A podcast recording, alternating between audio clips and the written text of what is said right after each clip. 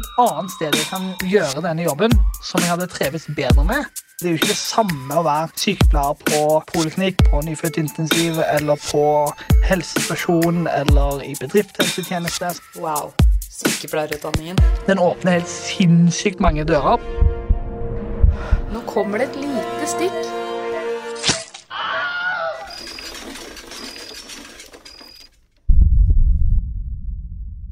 Ho, ho, ho! Velkommen så mye til nok en episode av Hjelp, jeg er sykepleier. Når denne episoden slippes, er vi godt i gang med desembermåneden, og mange har startet med juleforberedelser og gavehandling, til tross for dyre strømregninger og høye matpriser. Men hva med de som ikke har råd til julemat fordi de siste hundrelappene gikk til å kjøpe seg en dose med heroin? Kanskje har ikke disse menneskene noen å feire jul med, og kanskje heller ikke noe sted å bo. Hva skjer med de i julen og ellers i året? Vel, heldigvis finnes det steder rundt om her i landet som tar imot og hjelper folk i slike situasjoner. Et av disse stedene heter Markus Tranes hus, og det stedet her er, i motsetning til f.eks. avgiftningsseksjonen på Drammen sykehus, så er det et sted hvor man ikke trenger å prøve å slutte med rus når man kommer til institusjonen. Tvert om så er det faktisk et krav om at man skal være i aktiv rus før man får plass på dette stedet. Men hva slags hjelp får man egentlig da? Og hva gjør en sykepleier på denne arbeidsplassen? Dette skal vi høre mer om i dag, for jeg er heldig å ha med meg en sykepleier med jobberfaring fra Markus Ranesus. Velkommen så mye, Ingrid Raskholt. Tusen takk! Takk for at jeg får komme. Det er så hyggelig å ha deg her. Jo, takk i like måte. Det er veldig, veldig stor stas å få komme og, og snakke om det her. Mm. Mm. Jeg er mest stressa for at jeg skal, venstre, jeg skal drikke kaffe med venstre hånd. for jeg har det på venstre side. Jeg tørte ikke på andre siden tilfelle jeg søler, for det er sånn hvitt tøystoff der. det går nok bra. Det går nok bra. Ok, Skal vi kjøre på med tre faste spørsmål? Gjør det. Hvorfor ble du sykepleier? Godt spørsmål. Jeg har eh, to foreldre som er sykepleiere. Snakka varmt om det. Eh, og at det er så mange jobbmuligheter. Så eh, ja, det var vel kanskje det. Mm. Mm. Nei, men det er greit å ha noen innad i familien. Ja, som, I hvert fall som snakker varmt om det. Mm. Jeg har hørt om noen som bare 'Jeg har satt til dattera mi at hun må ikke finne på å bli sykepleier', og nå har hun søkt seg på studiet likevel! ja, nei, nei, det var vel litt det at Jeg jobba litt på sykehjem før jeg kunne søke studie, og kjente at jeg likte å jobbe med mennesker og er veldig rastløs av meg. Så jeg måtte ha et yrke der jeg var i aktivitet, og da er jo var jo sykepleier et godt alternativ. Jeg kjenner meg igjen der. Jeg mm. kunne ikke hatt en sånn sittestillende jobb hvor det er liksom det samme hele tiden. Jeg, ha, jeg liker å fly litt rundt, jeg. Mm, mm. Rett og slett. Men hvis du ikke skulle blitt sykepleier, hva hadde du blitt da, tror du? Politi. Politi? Ja. Det var, ja. det var politi eller sykepleier. Og så har jeg spilt eh, aktiv håndball og eh, har et kne som ikke er så velfungerende, så da ble det sykepleier. Så jeg ja, det hadde vært politiet. Syns sånn true crime og etterforskning spennende. Så. Det er jo det. Ja. Mm. Hva skulle du ønske at noen hadde fortalt deg om sykepleieryrket før du ble sykepleier? Eller er det noe? Nå har du vokst opp med sykepleiere i, i ja. hus, men er det noe du skulle ønske du visste før du begynte på studiet? Mm, godt spørsmål. Um, at det er like stor psykisk pålastning som det er fysisk. Mm. At det er ikke bare Eller jeg kjenner veldig på det at um, når man er ferdig på jobb, så er man ferdig. Mm. Jeg tar det med meg, og spesielt i denne type jobb, så Eller den jobben jeg er i, så er det veldig vanskelig å legge jobb på jobb, da. Mm. Det er veldig sant. Mm. Men ja, Markus Traneshus, hva, mm. hva slags sted er det egentlig? Um, Markus Traneshus er jo et lavterskeltilbud for mennesker i aktiv rus, eller nå heter det så fint utrednings- og videreformidlingsopphold. Ved altså en institusjon for personer i aktiv rus. Uh, og Markus Traneshus uh, det skal både gi helse da, og sosialfaglig hjelp. Uh, og da har vi 37 døgnplasser, så det er døgnbemanna. Og ja, man kan bo der inntil 60 dager, med forlengelse 30 dager til, men vi ser at det er vanskelig å, å få de videre, da. Med tanke på at eh, det er fullt. Det er fullt overalt, og mange vet ikke hva de vil gjøre. Og, ja. Så eh, Markus Traneshus er egentlig ja, et opphold for mennesker i aktiv rus. Mm, en institusjon. Er det det som er et hospits? Ja, gammeldags. Ja. Ja, det er det man kalte det før? Ja, Man uh, kaller det ikke Man sier vel ikke det så mye nå. Nei. Nei. Uh, det er blitt litt penere navn, da. Mm. Ikke sant? Jeg har blanda hospits og hospice. Jeg synes det høres så likt ut. ja, det høres veldig likt ut. Det tok veldig lang tid før jeg klarte å skille. Hvis du skal bare oppklare forskjellene på hospits og hospice Nei, altså Det ene er jo for mennesker i aktiv rus, og det andre er jo for de som ligger for døden, da. Ja, så Hospice eh, det er da de som er palliative og ligger og får lindrende skal dø. Ja. Men hospits det er oppholdssted for mennesker i aktiv rus. Ja. Rett og slett. Ja. Ok, Men de kan være der som du sa, 60 dager, eventuelt med 30 dager ekstra. Mm. Hvor er det de går videre da? Og hvem passer på at de har et sted å dra videre til? Nei, det er jo eh, Vi med samarbeid med beboere og bydel prøver å kartlegge og utrede brukers eh, livssituasjon og ressurser. Eh, som vil si da er de eh, Klarer de å bo i egen leilighet? Eh, må de innom f.eks. mestringsenhet, som vil si da at de får en eh, egentlig liten leilighet og ser om de på en måte Men det er døgnbemanna, da. Men man ser at de klarer seg noenlunde sjøl. Eh, må de på omsorgsenhet, som vil si at de, har de somatiske problemer som gjør at de trenger mer oppfølging innenfor helse, de trenger mer tilbud i form av for mat, de, mer oppfølging. Eh, er vi litt på det. Og så er det jo om noen vil på avrusning, vil de behandling. Så er det jo mange som ikke vil noe. Eh, de vil bare bo på et sånn type sted som Markus. Og det er jo egentlig ganske mange. Eh, og det er jo en grunn for at vi har en del gjengangere. Vi kjenner ganske mange ganske godt, fordi at de bare de bor hos oss så lenge de kan. Eh, og så flytter de f.eks. på et annet eh, like eh, tilbud, da. F.eks. Dals, Dalsbergstien. Og så bor de der så lenge de kan, og så kommer de tilbake til oss. Så mange har bare en sånn ja, rundgang da, på de, de husene. flyr rundt i systemet? Ja. Eller ja, de flyr rundt på husene, da. Ja. Eh, De bare bytter. Fordi at de vil kanskje ikke Det er mange som ikke vil bo i egen leilighet. Det er mange som ikke vil inn på noe mestring eller omsorg, eller ikke stille de kravene, eller Og da er det oss, egentlig. Mm. Er ikke det slitsomt for dem å bytte hele tiden? Hver 60. er dag? Jo, jo, jo, selvfølgelig er det det. Burde det ikke vært noe sånn langtidssted for dem? Noe sånn fast plass? Jo, man kan jo si det. Eh, Det burde jo kanskje være det. Så selvfølgelig er det jo slitsomt. Altså, de har det rommet de har hos oss, og på en måte bor der og bor det inn med ting og saker, og så får de vite fra bydel at nei, nå har vi nå har vi hatt deg så lenge her at nå må du flytte. Og så får de kanskje et tilbud på mestring, da.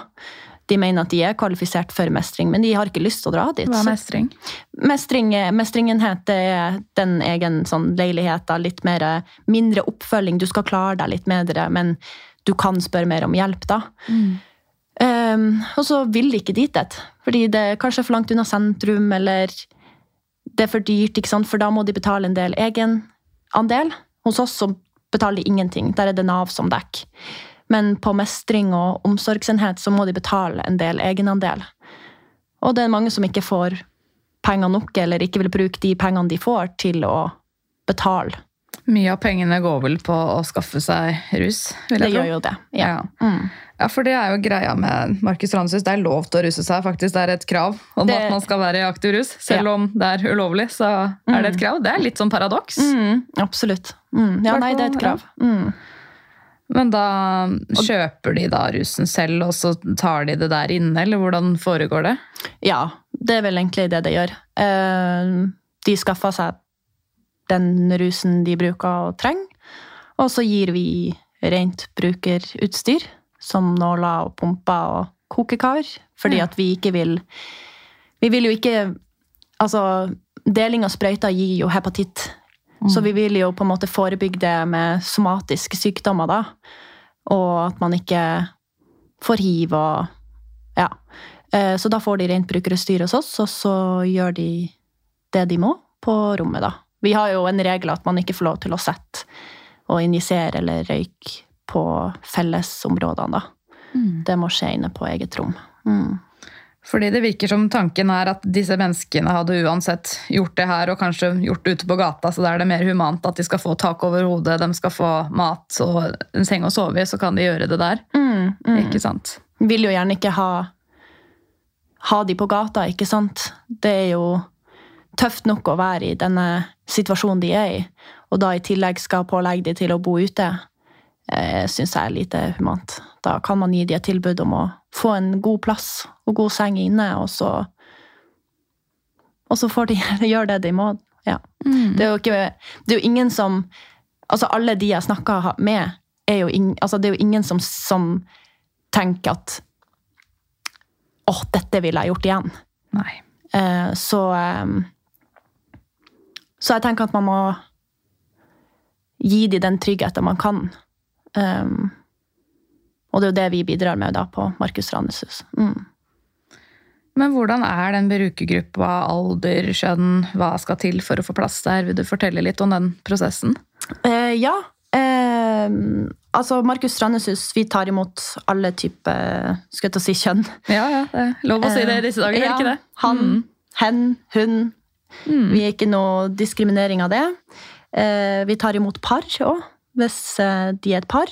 Mm. Eh, og kravet er jo at det må være noenlunde daglig rusmiddelbruk. Eller, altså det kan jo også være periodevis, men kommer det noen som vi mener er for lite, bruker for lite, så vil vi jo gjerne ha de bort så fort som mulig, fordi at vi vil ikke at de skal bli introdusert for mer bruk, da. Ja, At de heller da må finne et tilbud for å hjelpe seg å slutte. enn fordi her er det de tyngste brukerne, hvis jeg Ja. forstår deg riktig? Ja, vi Ja. har de tyngste brukerne. Og hvis det kommer noen som bare røyker hasj og tar amfetamin eller piller i ny og ne, så vi vil jo gjerne ha de bort, da.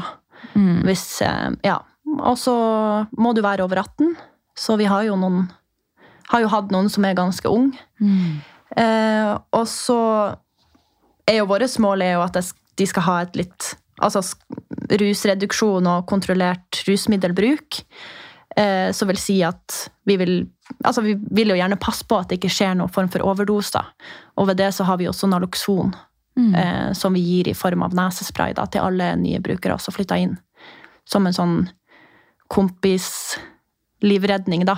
Eh, så vi Ja, vi sier jo alltid 'vær forsiktig' og 'pass på andre', og, og det er jo viktig, det, da. Men Er det noen som klarer det, å få et litt mer kontrollert rusbruk når de kommer til dere? Vanskelig å si. Eh, opplever vel kanskje at mange får et litt mer økt bruk. Ja. Fordi at de sosialiserer seg med andre som er, som er og har et tungt eh, rusmisbruk. Eh, men eh, vi har jo også kan jo også tilby de hjelp på en måte å ja, Har du lyst på mer sånn substitusjonsbehandling? At vi prøver å stabilisere dem på buprenorfin eller metadon eller Buvidal eller Og da kan vi jo på en måte henvise dem videre da, eh, til de som jobber med det. Så vi prøver jo å tilby at de på en måte skal ja, slutte med heroin, eller å heller stå på substitusjonsbehandling, da. Men tar de begge deler? Både heroin og substitusjon? Jeg trodde det ble krasj. Ja, det blir krasj, ja. Mm, eh, det blir det. Eh, så det, vi prøver jo på en måte å eh, Ja. Eh, Gi de muligheter? Ja, og motivere de til Mm. å kanskje slutte med eh, spesielt da sprøyter, for det forårsaker så mye eh, av absesser og sår og Ja, også det øker jo faren for overdose, og ja, så prøver på en måte å heller motivere det til å begynne med substitusjon istedenfor. Mm. Men det er noen som røyker heroin nå, er det ikke det? Mm. Det er vel litt snillere, i hvert fall for huden. Ja, det er snillere for huden, men det er tungt for lungene. Ja, det er vel med all form for røyk. Absolutt. Ja. Så eh, mange sier jo, og mange har jo veldig ødelagte lunger av det. Eh, og så er det ikke samme effekten, selvfølgelig. Det tar lengre tid før det tas opp i kroppen, og bruk mye mer, og ikke sant? Igjen da blir det dyrere, og så mange gjør det òg, selvfølgelig, men de fleste bruker vel sprøyter, da. For å få mer effekt av det de kjøper, for det er jo, det er jo ikke billig. Nei. Eh, Hvor mye koster heroin? Vet du pris, gateprisene? Nei, jeg gjør egentlig ikke det. Jeg har prøvd å spurt litt, men uh, jeg får litt variert svar, og så får jeg litt sånn Er det for at du skal gå og kjøpe det sjøl? Ja, det frister veldig, liksom. ja, ja, frista. Nei da. Uh, så sier så, uh, Men det jeg fikk vite, var i hvert fall at uh, det hadde gått i korona, da, når innførselen ble vanskeligere pga. På grunn av uh, grensene var stengt, så ble det jo Tørketid, er det ikke det man kaller det? tørketid, og Mm. det ble jo betydelig dyrere. Og man så jo også at eh, det ble mer blanda ut, da. Mm. Med annen forskjellig, rett og slett dritt, eh, som ble miksa i lag som ja, gjorde at man ble veldig ja, Fikk mye absess og sår og ja. Skal vi bare fortelle lytterne hva tørketid betyr? Du kan jo fortelle det, du. Ja, tørketid at det ikke det var lite på markedet. Lite å få Lite heroin å kjøpe der ute. Ja. Ja, fordi tørketid det kan jo bety noe helt annet, sånn med tanke på kroppen nedentil. Det kommer an på hvem du spør. ja. Nei, det er ikke den type tørketid vi snakker om her. Nei, jeg husker det da jeg jobbet på avrusning da jeg var fersk sykepleier, så var det en periode veldig mange pasienter kom inn da, og måtte få substitusjonsmedisin fordi det var tørketid der ute. Jeg bare, hva, hva betyr det? Nei, nå er det ikke noe heroin for kjøpt, så da kommer de inn. Jeg bare, ah, skjønner, så de slipper å bli abstinense. Ja. ja. Eh, og så har vi jo litt sånn krav at for å bo der, at brukerne må være selvhjulpen.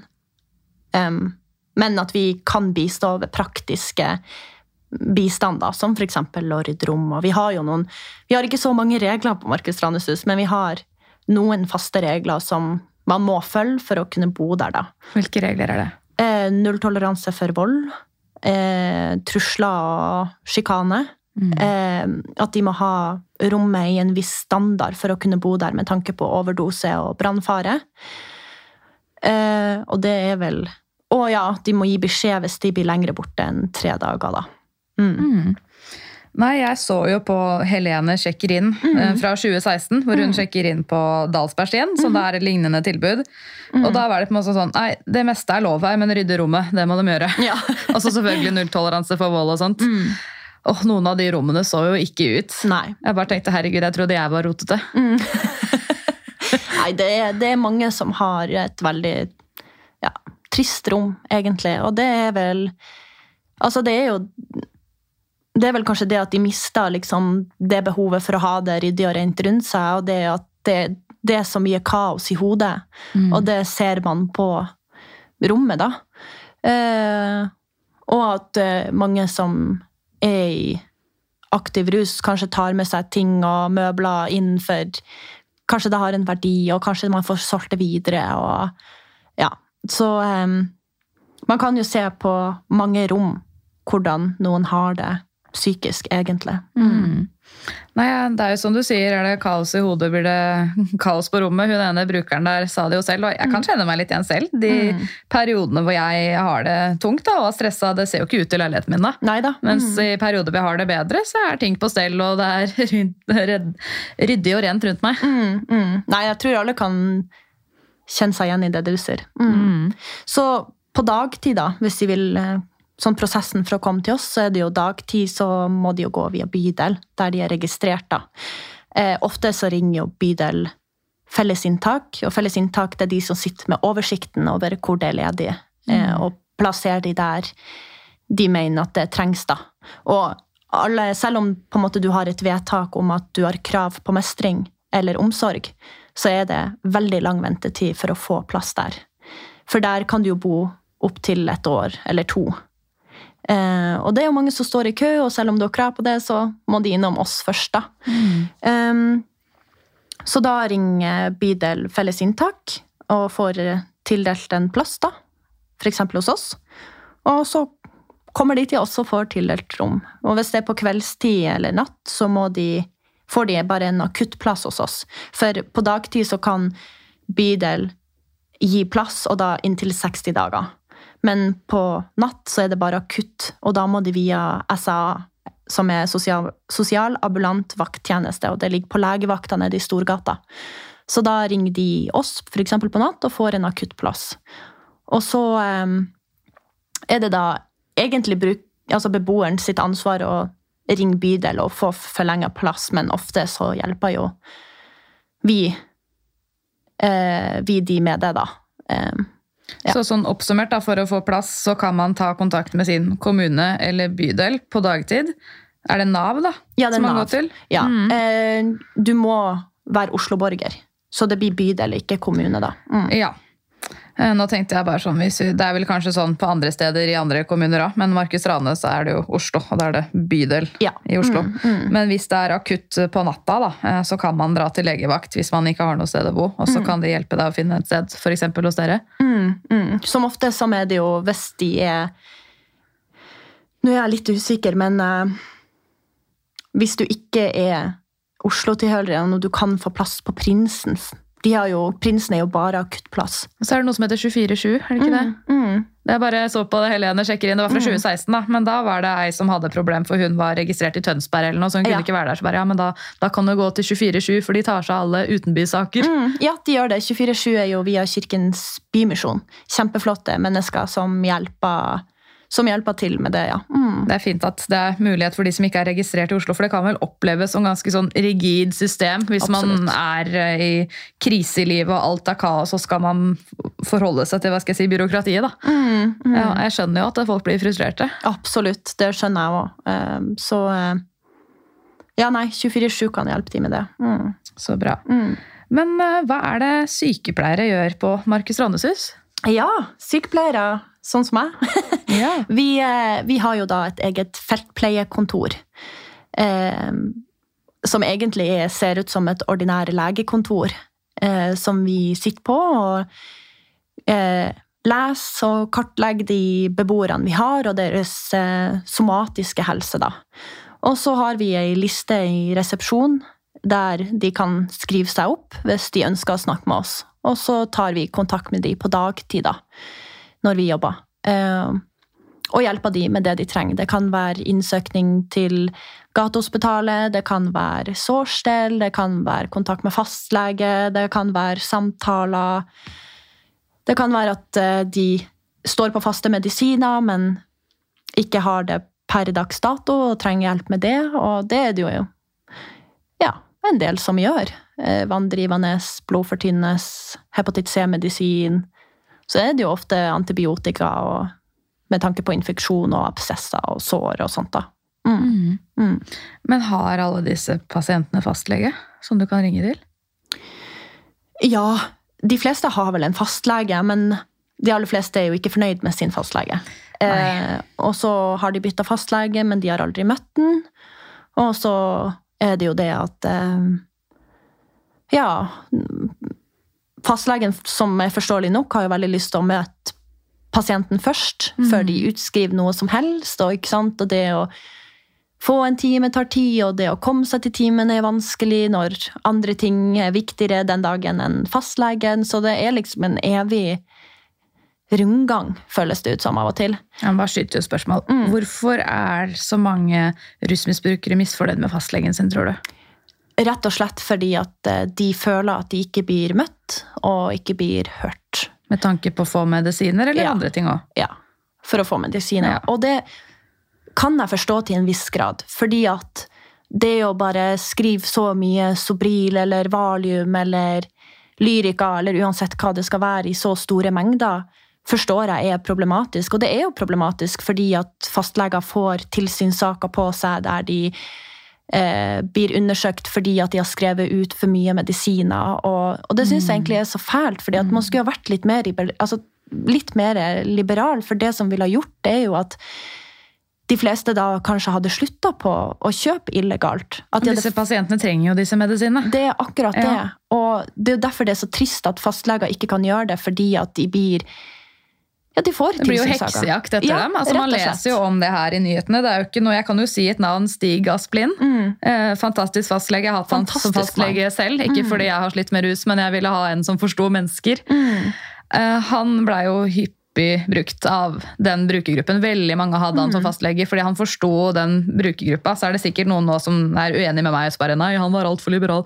Men uansett, han skrev jo ut det pasientene trengte, og de var kjempefornøyde. Men han tror jeg mista lisensen Han sin til slutt. Mm, Ja, han gjorde det. Og han er en av Det er jo flere leger som på en måte blir der blir sånn Helsetilsynet har heksejakt etter dem, mens brukerne er jo fornøyde med det. Mm. Og det, det jeg ikke Det jeg tror utenom ikke forstår, da, er jo at igjen da, ikke sant, man ville ha eh, minska kjøp av illegalt ute på gata. Disse eh, beboerne eller pasientene da ville ha kanskje klart seg mer hverdagslig. De kunne ha kommet seg inn i kommunal leilighet, de kunne kanskje ha jobba. Det hadde vært mindre innleggelse på sykehus, det ville vært mindre overdoser, det ville vært mindre sår, absesser. altså det her han er ja, altså økonomisk for sykehusene. Det koster jo når folk blir lagt inn. Eh, og det blir de jo med store sår og absesser i ny og ne. Og det, på en måte, det ville jo ha minska hvis man bare hadde vært kanskje litt mer åpen og hatt mer samtale om det og liberal med tanke på medisiner. Fordi at det her er jo mennesker som absolutt trenger det. Som kunne vært en kjemperessurs for samfunnet hvis de bare hadde fått den hjelpa de trengte. I form av medisiner. Og det er derfor jeg jeg syns det er så trist at det skal være sånn at man Ja, at leger blir Ja, det blir nærmest en heksejakt. Fordi at de egentlig bare hjelper de som blir sett på som nederst på rangstigen i samfunnet. Som ingen vil ha i sin leilighet de leier ut, eller ingen vil hjelpe, eller Ja, og Mange fastlegekontor liker jo kanskje ikke at de sitter på venterommet der engang, fordi de kanskje lukter vondt, eller de sier 'er det ikke min tur snart'? Ikke Ja, sant? De er jo litt utålmodige, dem. Ja, ja, ja, ja det er jo det. Eh, Så jeg syns det er så Jeg skulle ønske at det var mer snakk om de her pasientene. Skulle, som sykepleier, altså Vi lærte ingenting på studiet. Nei, det var, det var fint lite. Fint lite. Jeg kan ikke huske at vi lærte noe. Og det syns jeg er det jeg er rett og slett skikkelig dårlig, fordi at vi har Det er en stor pasientgruppe i samfunnet. Eh, og vi ser de uansett om det er på legevakta, eller om det er på en sengepost, eller om det er på sykehjem eller hjemmetjeneste. Og jeg skjønner at altså andre sykepleiere og leger blir usikre når de kommer, fordi at hvor mye skal man gi, og det høres ufattelig mye ut å gi så mye milligram til eh, morgenmedisin, ikke sant? men det er det de trenger. Eh, og det skulle ha blitt snakka mer om, og det skulle, vi skulle ha lært mer om det på studiet. For jeg kan huske at når vi hadde psykiatri på studiet, så var det liksom de typiske psykiske lidelsene som bipolar og, og schizofreni, som er veldig viktig det òg, men ingenting om rus. Eh, så er fullt forståelig at sykepleiere på legevakta og sykehus og alt det her blir usikre når de kommer. Og, og det syns jeg er veldig Jeg synes det er trist, fordi at igjen så gjør det til at de beboerne eller menneskene som er i aktiv rus, de oppsøker mindre hjelp fordi at de blir møtt med fordommer uansett hvor de går. Det er ingen som, De har den følelsen at det er ingen som vil hjelpe dem. De har den følelsen at det er ingen som vil ha dem. Og det er jo en forferdelig følelse å sitte med hele tida. Du kan være daudsjuk, men fordi at du er i aktiv rus, så Nei, det er bare derfor. Det er bare fordi at de ruser seg. Det er derfor de har vondt i magen. Og så, Ja, og så føler jeg at mange helsepersonell de er så livredde for at å nei, tenk hvis jeg bidrar til dems rusmiddelmisbruk, da vil jeg ikke skrive ut smerke, sterke smertestillende til dem. Og så Ja, ligger man der og har vondt, da. mm. Og det er jo alternativet at de gjør det, og så drar de. Stikk de fra posten. Eller senge, ja, sengeposten, eller der de er. Fordi at de får ikke den hjelpa de trenger. Og da er det samme kjøret igjen. Ute på gata, kjøp illegalt. Ja, Det er trist. ja det er kjempetrist. Så Det trengs en revolusjon, føler jeg. ja, det skulle ha blitt snakka mer om på studiet fra start. Det skulle ha vært mye mer snakk om i samfunnet generelt. En mye større forståelse.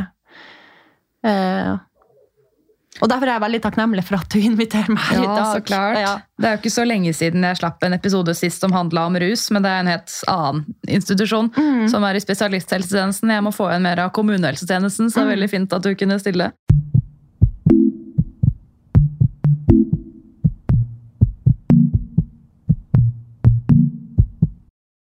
Men kan vi gå litt tilbake til feltpleien? Ja. Ja, for nå snakka vi og kom jo inn på det med fastleger, og så gikk tralten videre. Men eh, hva mer er det sykepleiere gjør på feltpleien, og hvordan liksom, har dere nok utstyr til å stelle sår? Og, ja, fortell. Mm. Mm, ja, vi har jo som sagt, det ser egentlig ut som et legekontor. Så der kommer de som har både ukompliserte og kompliserte sårstell med form av fibrin eller nekrose eller ja, puss og alt det her. Kommer til oss og får hjelp med sårstell, og da har jo vi det utstyret vi trenger. Og så har vi også en tilsynslege hver tirsdag, da. Og denne legen hun eh, går rundt på de andre husene også. Eller ja, det er flere leger, da, men hun har oss, og så har hun Adamstua, som er et omsorgssenter, da. Eller ja, omsorgsenhet, som det heter nå. så, eh, så, hver tirsdag så har de mulighet til å få snakke med en lege, da. Så hun kan jo hjelpe også med Hvis det er C-preparater, da, så kan hun også hjelpe med utskrivelse. Mm, så det er denne legen som kan sette de på f.eks. antibiotika og sånt? Ja. Men ikke substitusjonsmedisin? Nei. Nei, Det er det fastlegen som må gjøre, eller, eller er det LAR? LAR eh, er jo noe du må bli søkt inn til. Ja, Så det er et annet system igjen? Ja, men det er jo noe helt fantastisk som heter Lasso. Ja. Eh, som ligger på Dalsbergstien hus, som er et lavterskeltilbud for mennesker. Og Der trenger du ingen henvisning. Det er drop-in, eller du kan ringe og få en time på dagen. Få snakka med en lege. Kommer du abstinent, så får du begynt med substitusjon den ja, dagen. Så da får man den type medisiner der, på Ja. Lasso, Mm. men ikke hos dere på Markus? Nei. Ikke sant? Mm. Da henger jeg med. Er det noe andre fagpersonell enn sykepleiere og leger hver tirsdag? Eller var det annenhver tirsdag, sa du? Nei, hver tirsdag, Hver tirsdag, har vi ja. Vi sykepleierne er der hver dag. Hver dag. Men hun, eh, hun tilsynslegen hun er der eh, eh, hver tirsdag. Men eh, ja, vi har jo mange, mange flotte mennesker som jobber på Markus Randeshus, som er sosialfaglig i form av sosionom. Og så har vi en psykisk helsefagarbeider. Eller eh, Ja, de fleste er Og så har vi noen som er Skulle til å si Som er i psykiatrien ufaglært, eller Ja. ikke har noen form for spesifikk utdanning, men har jobba der i alle år. Ikke sant? Som vi har hørt om i tidligere episoder. Ja. Mm, mm. Syns du det er greit samarbeid mellom de forskjellige fagfeltene på Markus Randeshus? Eh, Tenkte du da mellom oss ansatte, eller? Ja. Ja, ja, ja. Vi er kjempeflinke å samarbeide, og Jobbene går jo litt inn i hverandre. Det er helt nødvendig med samarbeid, ikke sant? Fordi at vi er jo en kartlegging og videreformidlingsenhet. Vi kartlegger beboeren. Hva trenger du av hjelp? Kan du, klarer du å bo i egen leilighet? Trenger du omsorg? Trenger du omsorg, så må vi jo vite noe om helsen. Så det går veldig inn i hverandre, og vi snakker masse hver eneste dag. og ja, De kan hende at de har fått sett et sår som ikke vi har fått nyss om. og ikke sant? Dere må oppsøke beboeren på 3.10, for eksempel. Mm. Så det kjempebra samarbeid med sosialfaglige og, og oss som helsepersonell. Mm. Så bra. Mm. Kan du si noe om positive og negative sider med å jobbe der? Ja. Um, det positive er jo at det er veldig varierende. Det er jo aldri en dag som er lik. Uh, og jeg er jo egentlig litt min egen sjef. Jeg har ikke noe sånn Det er ikke noe jeg må gjøre hver dag. Jeg kan på en måte forme min egen hverdag. Eh, med hvem som kommer, og hvem som kan komme inn på feltpleiekontoret. Og er det noen søknader jeg må se på eller skrive? Er det noe jeg må følge opp mer? Må jeg snakke med psykisk helsefagarbeider? Er det noe psykiatri som må følges mer opp? Så jeg, jeg er jo egentlig veldig i hermegåstegn min egen sjef, da, som kan bestemme litt av min egen eh, hverdag. Og så er det jo det at man får veldig god kompetanse innenfor mye, for det er ikke bare rus, men det er jo psykiatri, det er sårstell, det er hepatitt, det er liksom det somatiske, blodpropp, nyresvikt, hjertesvikt, ikke sant? Man blir, man blir god på mye fordi at man kjenner igjen symptomene og ja, man lærer liksom mye forskjellig. Da. Det er ikke bare én spesifikk ting. Så du må liksom hele tida tenke alt imellom hodet til tå, fordi at det kan være så mangt. Um, og så er det jo veldig godt arbeidsmiljø på Markus Randeshus. Så. Jeg tror jeg aldri har jobba en plass der det er så godt arbeidsmiljø. Vi er Høres klisjé ut, men nesten en sånn stor familie. Å, det er, det, er kjempegod stemning. Det, for meg har det aldri noe å si hvem som er på jobb, fordi at eh, alle er like gode og alle er like snille. Så, og alle er kjempeflinke i det de gjør, uansett om de har fem års utdanning eller på papir eller ingen. utdanning, på papiret, så syns jeg alle er kjempeflinke. Hvor lenge har du jobba der? Siden 2019. Siden 2019. Og så var jeg en liten visitt innom hjemmetjenesten i 2020, og så vil jeg tilbake, da. Du savna det? Ja. Jeg kjente at det var rus og psykiatri som var liksom min passion, da. Ikke sant? Og negative er jo kanskje at Jeg, jeg, jeg syns det er litt vanskelig å si noe negativt. Eh, Jeg tenker at det, det er både positivt og negativt, men det er jo den utskiftninga. At plutselig en dag så kommer du på jobb, og man har en opplegg med en pasient for eksempel, med sårstell hver tredje dag, og du står på medisiner, og så har det skjedd en hendelse kvelden før som har gjort at det ble utskrivelse. ikke sant? Og så, da mister man jo på en måte da pasienten. For jo, vi har jo ingen oppfølging etter utskrivelse. Så ikke sant, og det å vite ok, hvor drar denne pasienten eller beboeren da videre Ok, vi vet ikke enda, ikke Det å gi neste boplass beskjed om at hei, du, denne pasienten står på faste medisiner. For det skjer jo veldig ofte hos oss at de er der to-tre uker, og så kommer de til frokost og bare Hei, du, forresten, jeg står på blodfortynnende. Og så har de ikke tatt det på to-tre uker. Oi, ikke sant. Ja. Og da blir det liksom Ok, hvor fikk du det fra? Hvem skrev ut det? Hvor mye milligram står du på?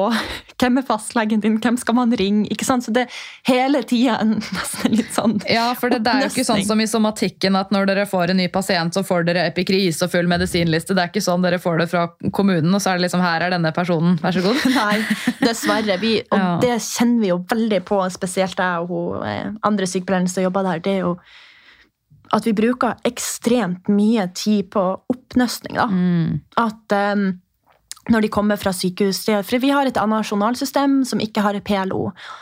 Ikke? Så vi får ikke PLO fra sykehuset. Så dumt. Kjempedumt. Og ofte så er det jo at de drar for tidlig, eller så drar de uten epikrise. Og da vet vi jo ikke om det har blitt satt på noen form for faste medisiner. Så da begynner jo oppnøstinga å ringe f.eks. Ullevål eller så- Lovisenberg. Hei, bla, bla, bla, bla. Å ja, nei, jeg vet ikke. Så må man ringe arkivet, ikke sant? Og så har vi ikke faks, og de må sende Det via er litt av et detektivarbeid, det der, altså. Veldig. Og det, ikke sant? via post tar jo sin tid. Så da kommer Post, det i posten, og så Å ja, så har det liksom gått to uker. Oi, Da har kanskje pasienten også... dratt innen dere får de papirene, ikke sant? ja. Og så går det liksom to uker, og så Å ja, du skulle stå på vanndrivende 40 milligram. Ok, greit, da må jeg få tak i den medisinen. Jeg burde jo nesten hatt en sånn der innkomstsamtale med lege hver gang det er en ny pasient, bare for å få skrevet egentlig sånn innkomstjournal med faste medisiner. Ja, ikke sant? Men igjen, ikke sant? det er ikke et krav. Vi er Nei. ikke et krav at de må oppsøke oss. Vi er et tilbud. Det er ingen krav at du må snakke med helsepersonell før du kommer. Vi er jo et lavt terskeltilbud. Altså det skal være lav terskel for å komme dit, det er lav terskel for å bo der. Det er ikke noe krav, bortsett fra at du må være i aktiv rus. Så vi kan jo ikke kreve Hvis ikke de vil ta medisin, så kan ikke vi tvinge Nei, ikke kreve, men jeg tenkte bare sånn for å få kartlagt hva er det de står på, for litt sånn pasientsikkerhet. da. Og selvfølgelig Ja, ja. så skal man jo ikke tvinge på folk medisiner, men da Mm, men kan man ha en plan. ingen ja, det, det, Jeg vil jo gjerne ha det, men vi er ikke noen helseinstitusjon. Så vi er en institusjon for mennesker i aktiv rus. Ja, Det virker som det er litt sånn en tynn grå linje her, for det er ikke en helseinstitusjon, men det er jo sykepleiere der. Og det er jo en lege der innimellom, så det er jo på en måte litt det òg. Jo da, for så vidt. Det faller men litt bare- mellom to stoler, virker det som. Ja, ja, du kan si det. Vi er rett og slett bare et tilbud.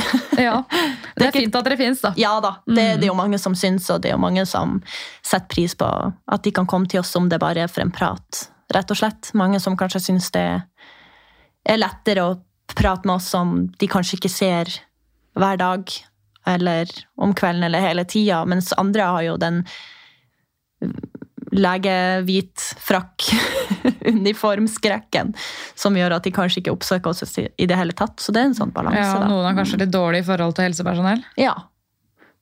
Så for mange har Kanskje de fleste har hatt en dårlig opplevelse med helse. Da. Men bruker dere uniformer? Eh, Ja, vi gjorde ikke det før, men eh, vi begynte med det i korona, tror jeg det var. Og så har vi egentlig bare hatt det fordi at vi er jo i, i altså sånn For oss med sårstell og sånn, så er det jo mye bedre for oss å ha Ja, For sykepleierne? Ja. Men de andre, da? Bruker Ja. de privat? Eller bruker Nei, de bruker også uniform. gjør også det, ja. ja. det, Mm. jeg tror det ble på grunn av korona at vi gjorde det da. Ja. Er litt usikker. Men det er, jo, det er jo også litt bedre for de hvis de må inn og rydde rom. Og det å gjøre det i egne klær, det er jo mye bedre å gjøre det i, uniformer, da. Ja.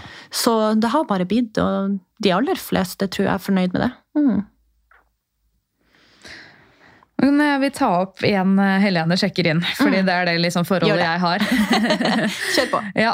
Eh, Der hadde de sånn velværedag en gang i uka med litt sånn spa og fotbad og mm. klippe hår og gjør dere sånne ting? Ja, vi gjorde det før korona. Vi har vært litt treige å starte opp eh, etter det. Eh, Men vi har av og til sånne velværsdager, og vi gjør litt ekstra når noen har bursdag, og vi har grilling om sommeren i bakgården, og, eh, og vi har eh, Ja, vi har, vi har prøvd å ha litt opplegg eh, på husene, og så er det jo veldig varierende hvem som kommer, da. Noen kommer ikke i det hele tatt, og andre syns det er kjempefint. Noen vil gjerne bare være i fred, og andre vil være sosial. Så det, det skifta veldig, egentlig. Mm. Men Men er det noen som vantrives òg? Fordi det sa de på Helene sjekker inn. Det er ingen som er her frivillig. Her er det bråk og helvete på natta. Og noen var veldig sånn Selvfølgelig, du kan jo tenke deg til sjøl hvis du skulle ha bodd på et rom, du må dele bad og dusj, eh, og det er 37 andre som bor der. Ja. Så selvfølgelig er det jo tider det er mye holloi, mye musikk, mye roping, mye krangling på huset, og, og da syns mange det er vanskelig å ta hensyn til andre.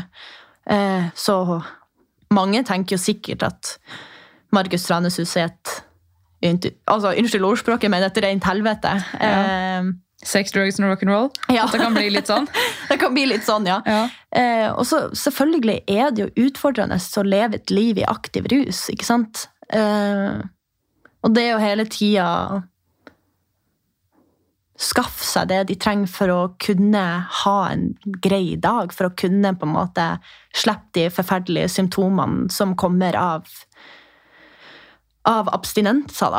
Eh, så det er de første det kanskje de tenker på om morgenen, og de siste de tenker på før de legger seg. og det å hele tida ha en usikker bosituasjon, det gjør jo noe med folk, det òg. Vi er ikke en langtidsplass, så alle vet jo at det bare er et stopp.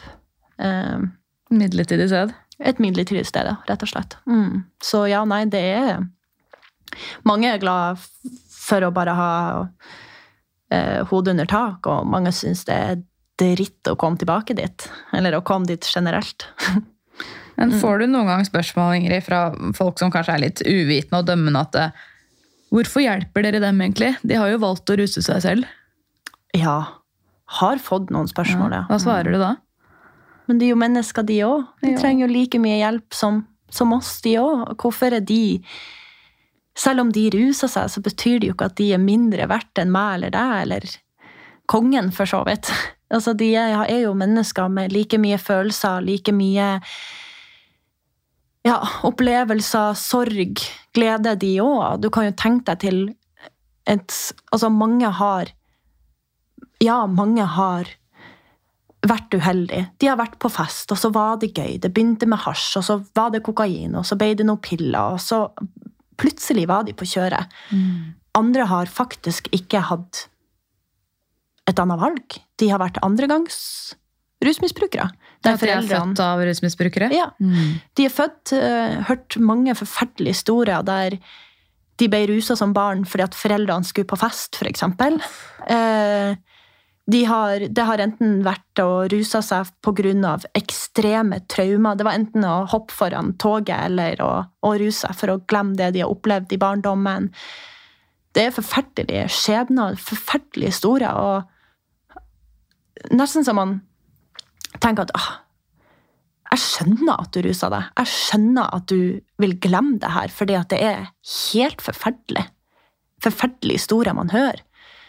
Eh, så, så selvfølgelig skal de få den hjelpa de trenger. Og eh, jeg føler nesten at de ikke gjør det fordi at Ja, det her med fastleger og at de føler seg på en måte nederst på rangstigen og ikke føler seg velkommen på legevakt, eller de får ikke den hjelp, eller føler ikke de får den hjelpa de trenger hos Nav. og Det er liksom en sånn evig rundgang. da. Mm.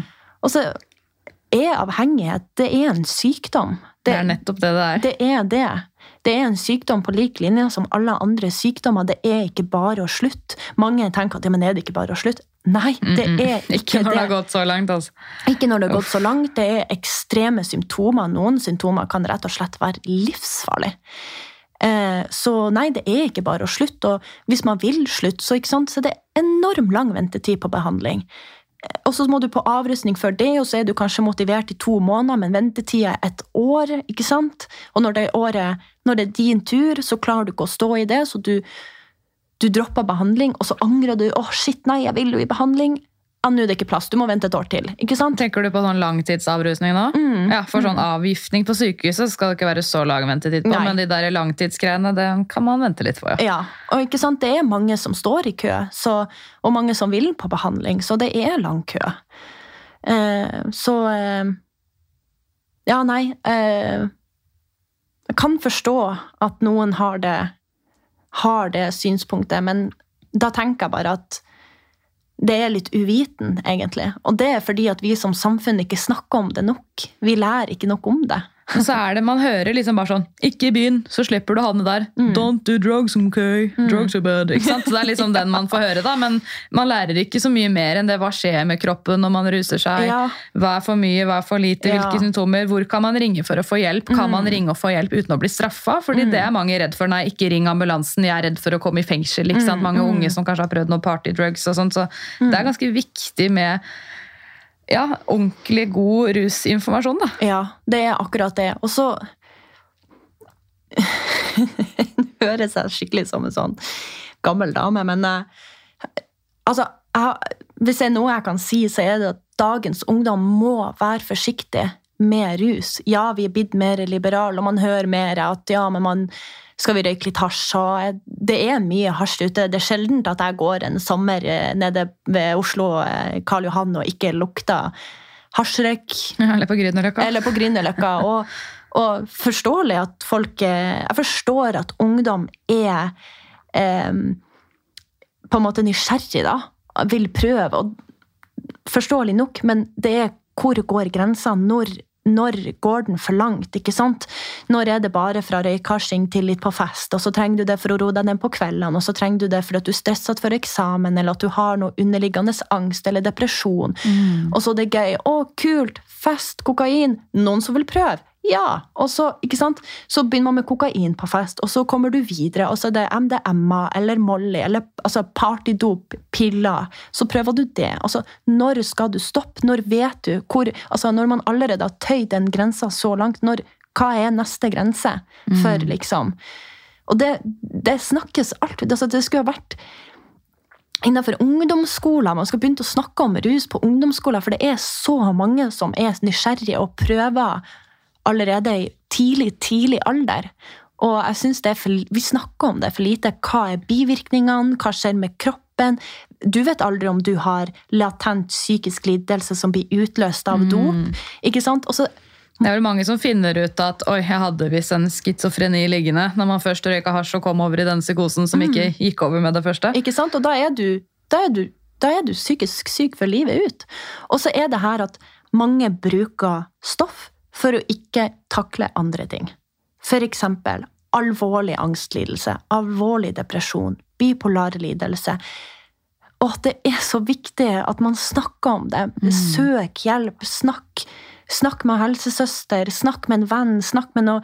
Jeg skjønner at kanskje familie at man syns det er vanskelig, men oppsøk noen. fordi at det er så viktig å snakke om det istedenfor å ty til rus.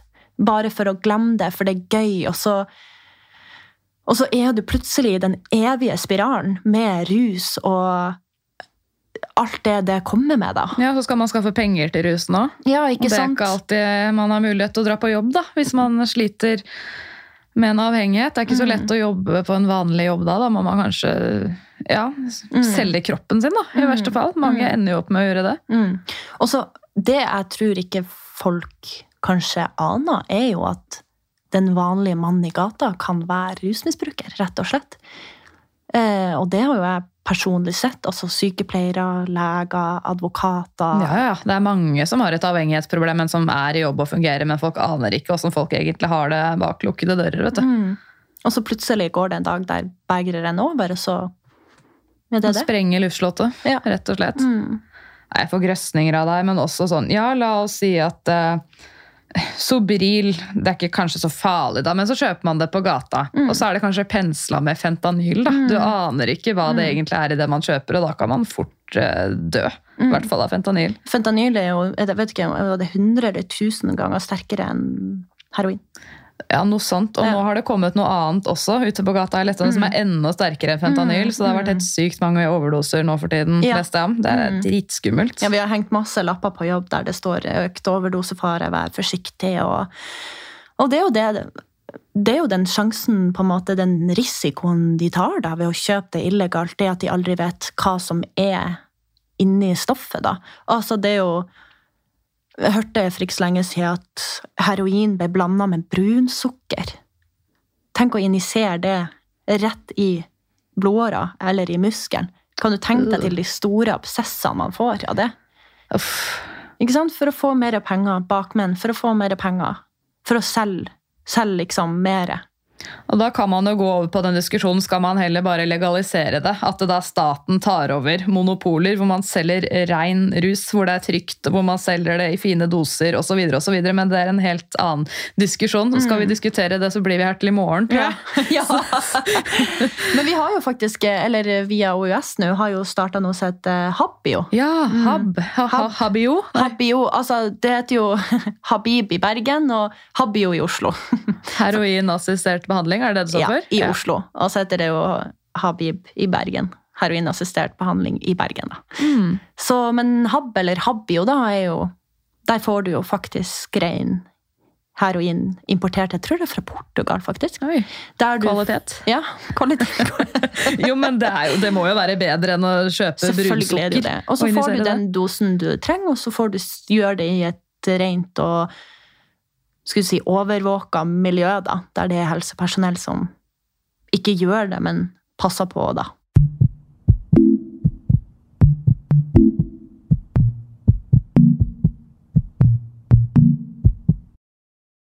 Så var det jo snakk om den rusreformen som ble nedstemt, men så fikk man på en måte en sånn mini-rusreform likevel. At nå blir man ikke, man blir ikke straffa hvis man går med veldig små brukerdoser. Mm. Har jeg lest nå. Det er ganske nytt, egentlig. Ja. Mm. Jeg, jeg syns det er veldig fint for våre brukere, men igjen da så er jeg så redd for at det skal være en sånn utstrekt hånd for ungdom som Ja, men jeg blir jo ikke straffa for det. Det er jo bare å prøve. Ja, men jeg blir jo ikke Det er liksom Det er litt todelt, hvis du Veldig. Det er derfor jeg sier at uh, nå må vi sette strek og ikke Ja, begynne ja, å diskutere. Blir vi Vi får snakke om Markus Tranus. Ja. Eller gå over til Q&A, tenkte jeg nå. Med mindre du hadde noe mer å komme med om Markus Ranes. Ehm, nei, jeg tror jeg har eh, fått sagt eh, Må se gjennom papirene mine her. Ja. Eh, nei, eller jeg kan jo bare si at uh, med snakk om sånn tilbud og sånn, så har vi jo Vi tilbyr jo frokost der hver dag. Vi lager frokost til dem. Eh, før så satte vi bare frokost frem, men i korona da, så endra vi det til at vi lager de, og da ser vi jo at flere spiser. ikke sant? Det er jo mange som bra. glemmer å spise. Eh, eller rett og slett ikke tar seg råd til å spise. Eh, Men hva med måltidene resten av dagen? og så har vi middag tirsdag og torsdag. Og så har vi eh, pølse eller suppe på lørdag. Og vafler på søndag. Ja, Så det er mulighet for mat innimellom, men de Ja. må også skaffe sin egen mat. Ja, og så er serverer vi brødskiver og havregryn eh, ellers på døgnet. Ikke på natt, tror jeg det. Nei. Ellers så er det Ellers på dag og kveld så kan du få det. Og melk. Og te og kaffe. Så det er, det er noe næring å få. Ja, det er noe næring å få. Men ikke sant, vi er et lavterskeltilbud, så Ja. noe eh, Vi har midler til noe, men ikke alt. Mm, rett og slett. Ja. Nei, skal vi kjøre Q&A, da? Gjør det, kjør på. Ok, Hva fikk deg til å ville jobbe på hospits for rusmisbrukere? Nå heter det jo ikke hospits lenger, men Ja. det er sånn spørsmålet lyder. ja, ja, ja. Eh, rett og slett fordi at jeg var så heldig å komme i psykiatripraksis der. Ah, Ja. Eh, eh, I begynnelsen var jeg dritredd, for å være helt ærlig. ja, det var det. Ja. Men så kjente jeg liksom på, for jeg hadde vært eh, på sykehus og hjemmetjenesten og sykehjem og syntes det var gøy, men det var liksom, jeg kjente ikke at det var noe jeg kunne ha tenkt meg med for alltid. Eh, Så ble jeg litt sånn, «Å, herregud, var det sykepleier jeg skulle bli? Ble jeg nesten litt stressa, så kom jeg dit, og så bare, ja, det er det her jeg vil jobbe med. Og så begynte jeg som ekstravakt, og så jobba jeg litt sosialfaglig først. Før jeg fikk etter hvert da komme bare på feltpleien. Bra svar. Jeg synes Det er litt fint å vite at alle må ikke bli intensivsykepleiere og jobbe i somatikken og drive med masse fancy prosedyrer. Altså, det, det er så mye mer man kan velge da, Oh, så ufattelig mye mer. Det er mye større enn jeg trodde det var, Ja. faktisk. Eh, for herregud, du kan jo gjøre alt. Du kan om du vil sitte på kontor, eller om du bare vil jobbe natt, eller om du bare vil jobbe dag, eller om du Altså, om du vil jobbe på sykehus, sykehjem, kommunalt, kontor Altså, det er så mye. Jeg tror dette er det yrket man har flest valgmuligheter i. faktisk. Ja, man må det- det bare må åpne opp øynene og se. ja, Og hvis du bor langt ute i Gokk hvor det ikke er så muligheter, så er det jo lov å flytte, da. absolutt. Ok, Hvilke personlige egenskaper bør en ha for å jobbe på Markus Tranes hus? Um, tenkte egentlig ganske mye på det. Eh, For det første må du være fordomsfri rundt det her. Du kan ikke komme inn med harde fordommer om at alle skal bli rusfri. Eller at din eh, hjertesak er at alle på Markus Tranes hus skal bli rusfri, for da får du en evig skuffelse på jobb. For det, de er ikke der for å bli rusfrie. Eh, Og så må du være åpen, og du må være ærlig. Du må tørre å stå i tøffe situasjoner. Du må stole på deg sjøl, og det, at det man gjør, er riktig. Eh, Og så må man være direkte, men ikke stygg. Ikke si det på en stygg måte, men du må være ganske direkte om hvor ståa er, hva skjer nå, hva forventer du? Ikke sant? Det er jo fortsatt altså mennesker man kan sette forventninger til. Så man må være litt streng, men omsorgsfull, på en måte. Ja. Ja. Det å ha empati og sympati, og så det å ikke være redd. Du kan ikke jobbe der hvis du er redd, rett og slett. For det er høye lyder, det er mye lukter, det kan oppstå konflikt, det kan oppstå overdoser, det kan oppstå masse forskjellige ting. Men det du ikke kan være, det er å være redd. Rett og slett. Men du var jo redd i starten. Jeg var redd i starten, helt riktig. Ja. Eh, og forsto at det må jeg bare legge bort. eh, og det gjorde jeg egentlig, og blitt ganske tøffere etter det, vil jeg si òg. Eh, etter å ha jobba der, sånn generelt i livet. Og så må man ha litt tykk hud. For det kan komme noen fraser som ikke er så hyggelig av og til, og man kan ikke ta det personlig. Hva er det styggeste det ble kalt? Hvis du husker det. og det er masse. Alt ifra Jeg vet ikke om man kan si det her. Jo da, nå Advarsel, nå kommer det stygge ord, folkens. Så får dere holde dere for øra hvis dere ikke tåler det. Ja, altså ja, Altså, jævla hore, kjerring, bitch eh, Innavl fra Nordland. altså, det er så mye oh, forskjellig. Har også fått 'kom deg hjem der du hører hjemme'. Og så er det sånn, er det, er det, er det i Bodø, da? Eller er det Men du, er jeg ikke, er, Hinter du til at jeg ikke er norsk? Eller, altså, altså, det er så mye. Altså, fitte eh, Ja. Masse, masse rart, rett og slett. Jeg bare ler. Jeg må bare si som sykemims, det er bedre å le enn å gråte. Absolutt. Og det er av og til jeg bare Ofte så er, det situasjoner der man der de kjefter, og så altså, blir det for dumt at man bare begynner å le. Og så har jeg ledd noen ganger, og så oppstår det at det egentlig blir en kjempefin situasjon. for at de, å le også. ja, for de skjønner at herregud, det her ble for dumt. Og så begynner bare de å le òg, og så er det sånn åh, sorry. Altså. Nei, det går bra. Ja, vi er igjen. ja, det, går bra. Ja, jeg får tårer i øyet. Jeg synes det er gøy, det her.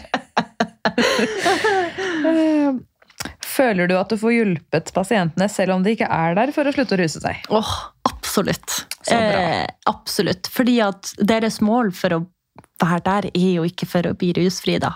Altså, ja, det kan være et mål i lengden, men det er jo så mange der som har f.eks. delmål, da. Det å bare komme seg ja, komme seg til fastlegen, eller det å bare Komme seg ut av gata, kanskje? komme seg ut av gata, det å mm. komme seg bare ned til meg, kan være en kjempe dørstokkmil, liksom. Mm. Det å bare komme og ta ansvar for egen helse, det å komme og ja, komme til sårstell selv om de vet hvor jævlig og ondt og forferdelig det er, og at kanskje de skjemmes fordi det har gått så lang tid, eller det å bare komme for en samtale. og Det er liksom de små målene som for meg kanskje er en selvfølge, men for de er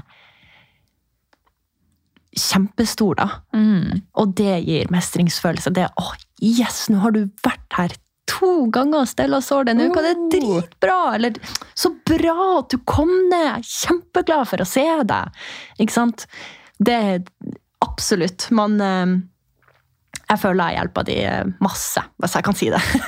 Ja, men Det er fint å høre at man kan sette litt fokus på de små målene òg. fordi det der med helse det er jo ikke bare det at nå skal jeg bli kvitt den sykdommen eller jeg skal slutte å ruse meg, eller de store ting, men det er også som du sier, bare det å få stelt det såret.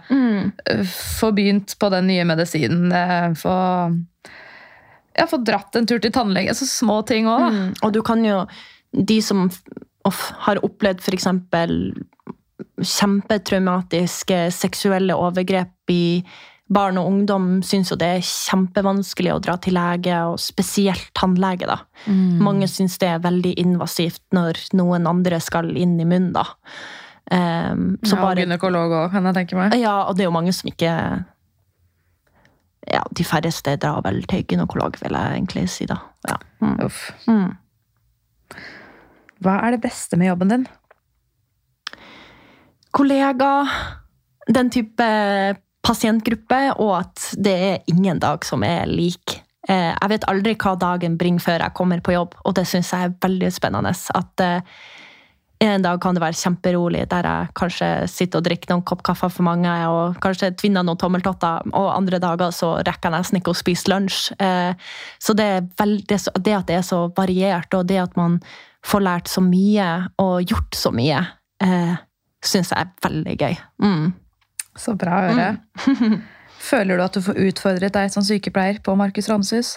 Ja, det gjør jeg. Eh, før eh, korona så var det jo at man kunne dra litt på kurs og sånt, og da har vi jo sett det tar litt tid at det kommer i gang igjen. Men eh, man lærer jo mye. Man, man er, jeg føler man er ganske mye, ba, altså ikke bare sykepleier, men det er sånn konflikthåndtering, den megler, meglerpersonen man er, den videreformidle personen man er via fastlege og bydel og Man Ja. blir fort flere yrkesgrupper i én person. Absolutt.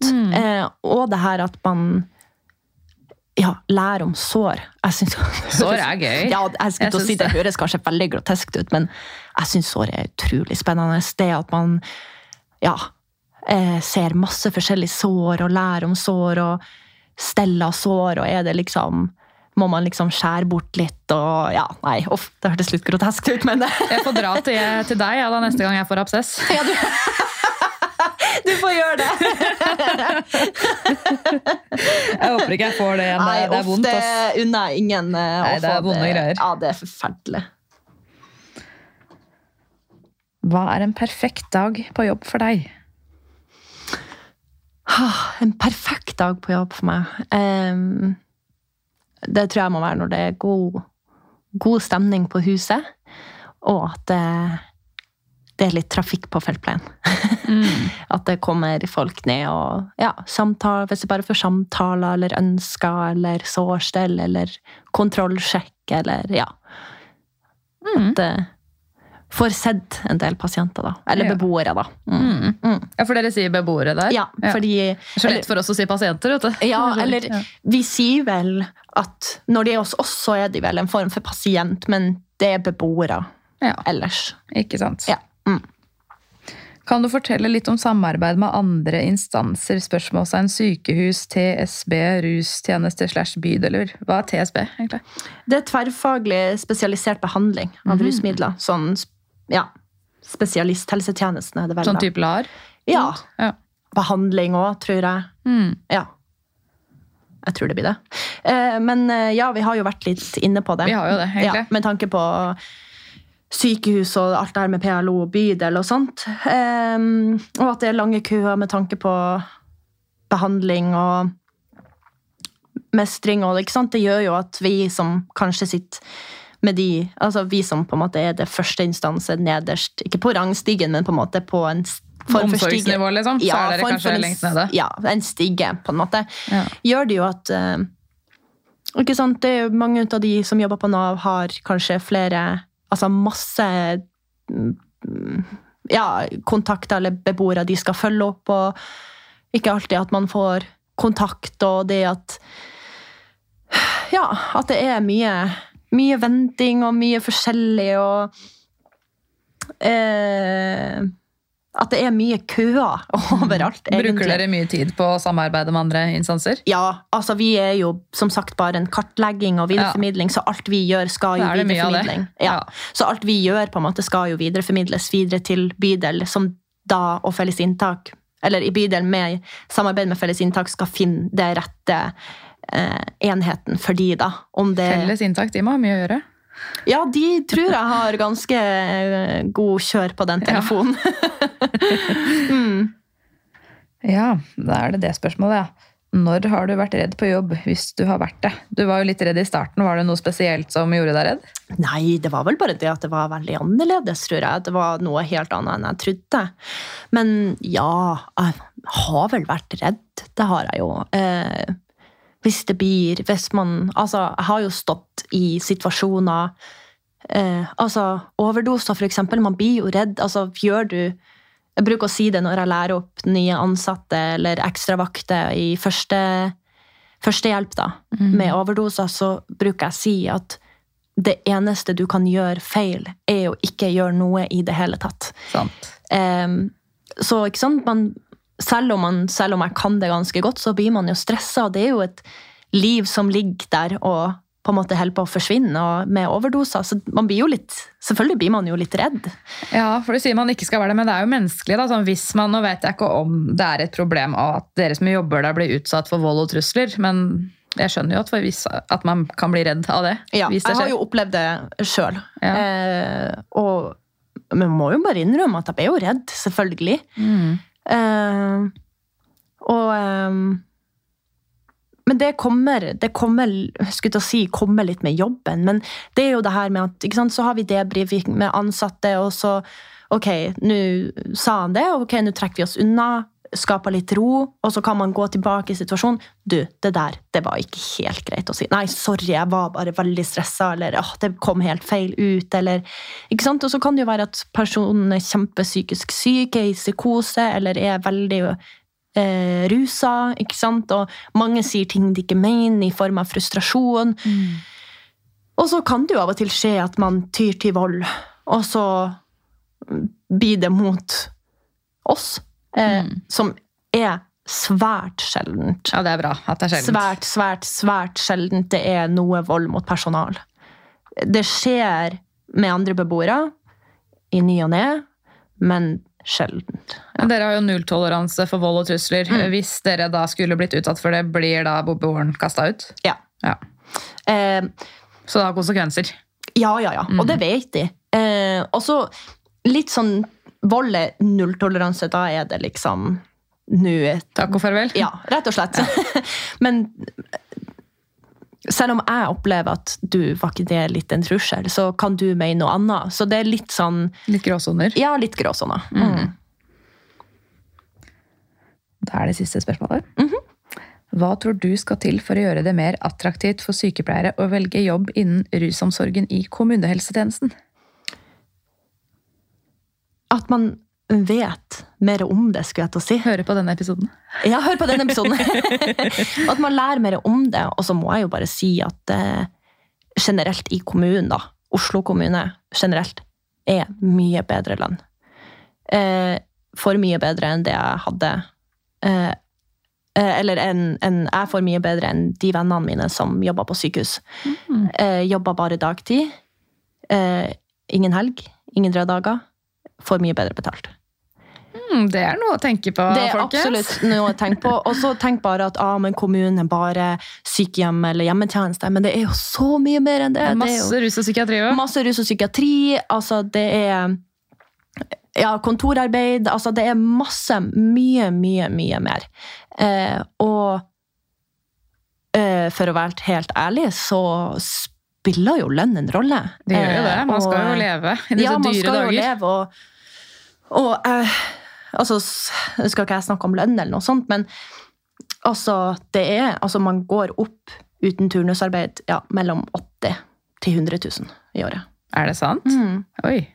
Eh, grunnlønn, da. Du får Ja. jo dere mye mer tillegg, og sånt, men grunn, så selv om man får tillegg, og alt det her, så må man huske på at hva er grunnlønna di? Mm. Mm. Eh, så eh, det er noe å tenke på. Altså, ja, man skal jobbe med det man vil, og det, det man kjenner man brenner for, om det er sykehus eller nyre eller nyfødt eller uansett, men lønn spiller en rolle.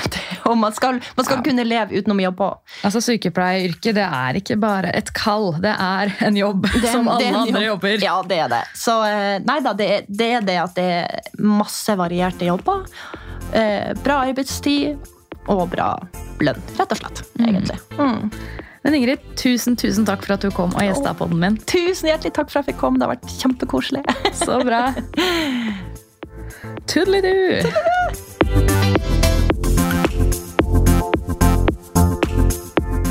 Takk for at du hørte på Hjelp, jeg er sykepleier.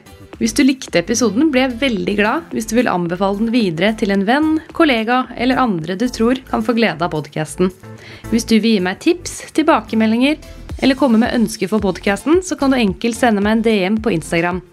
Der heter jeg Hjelp, jeg er sykepleier, med understrek mellom hvert ord.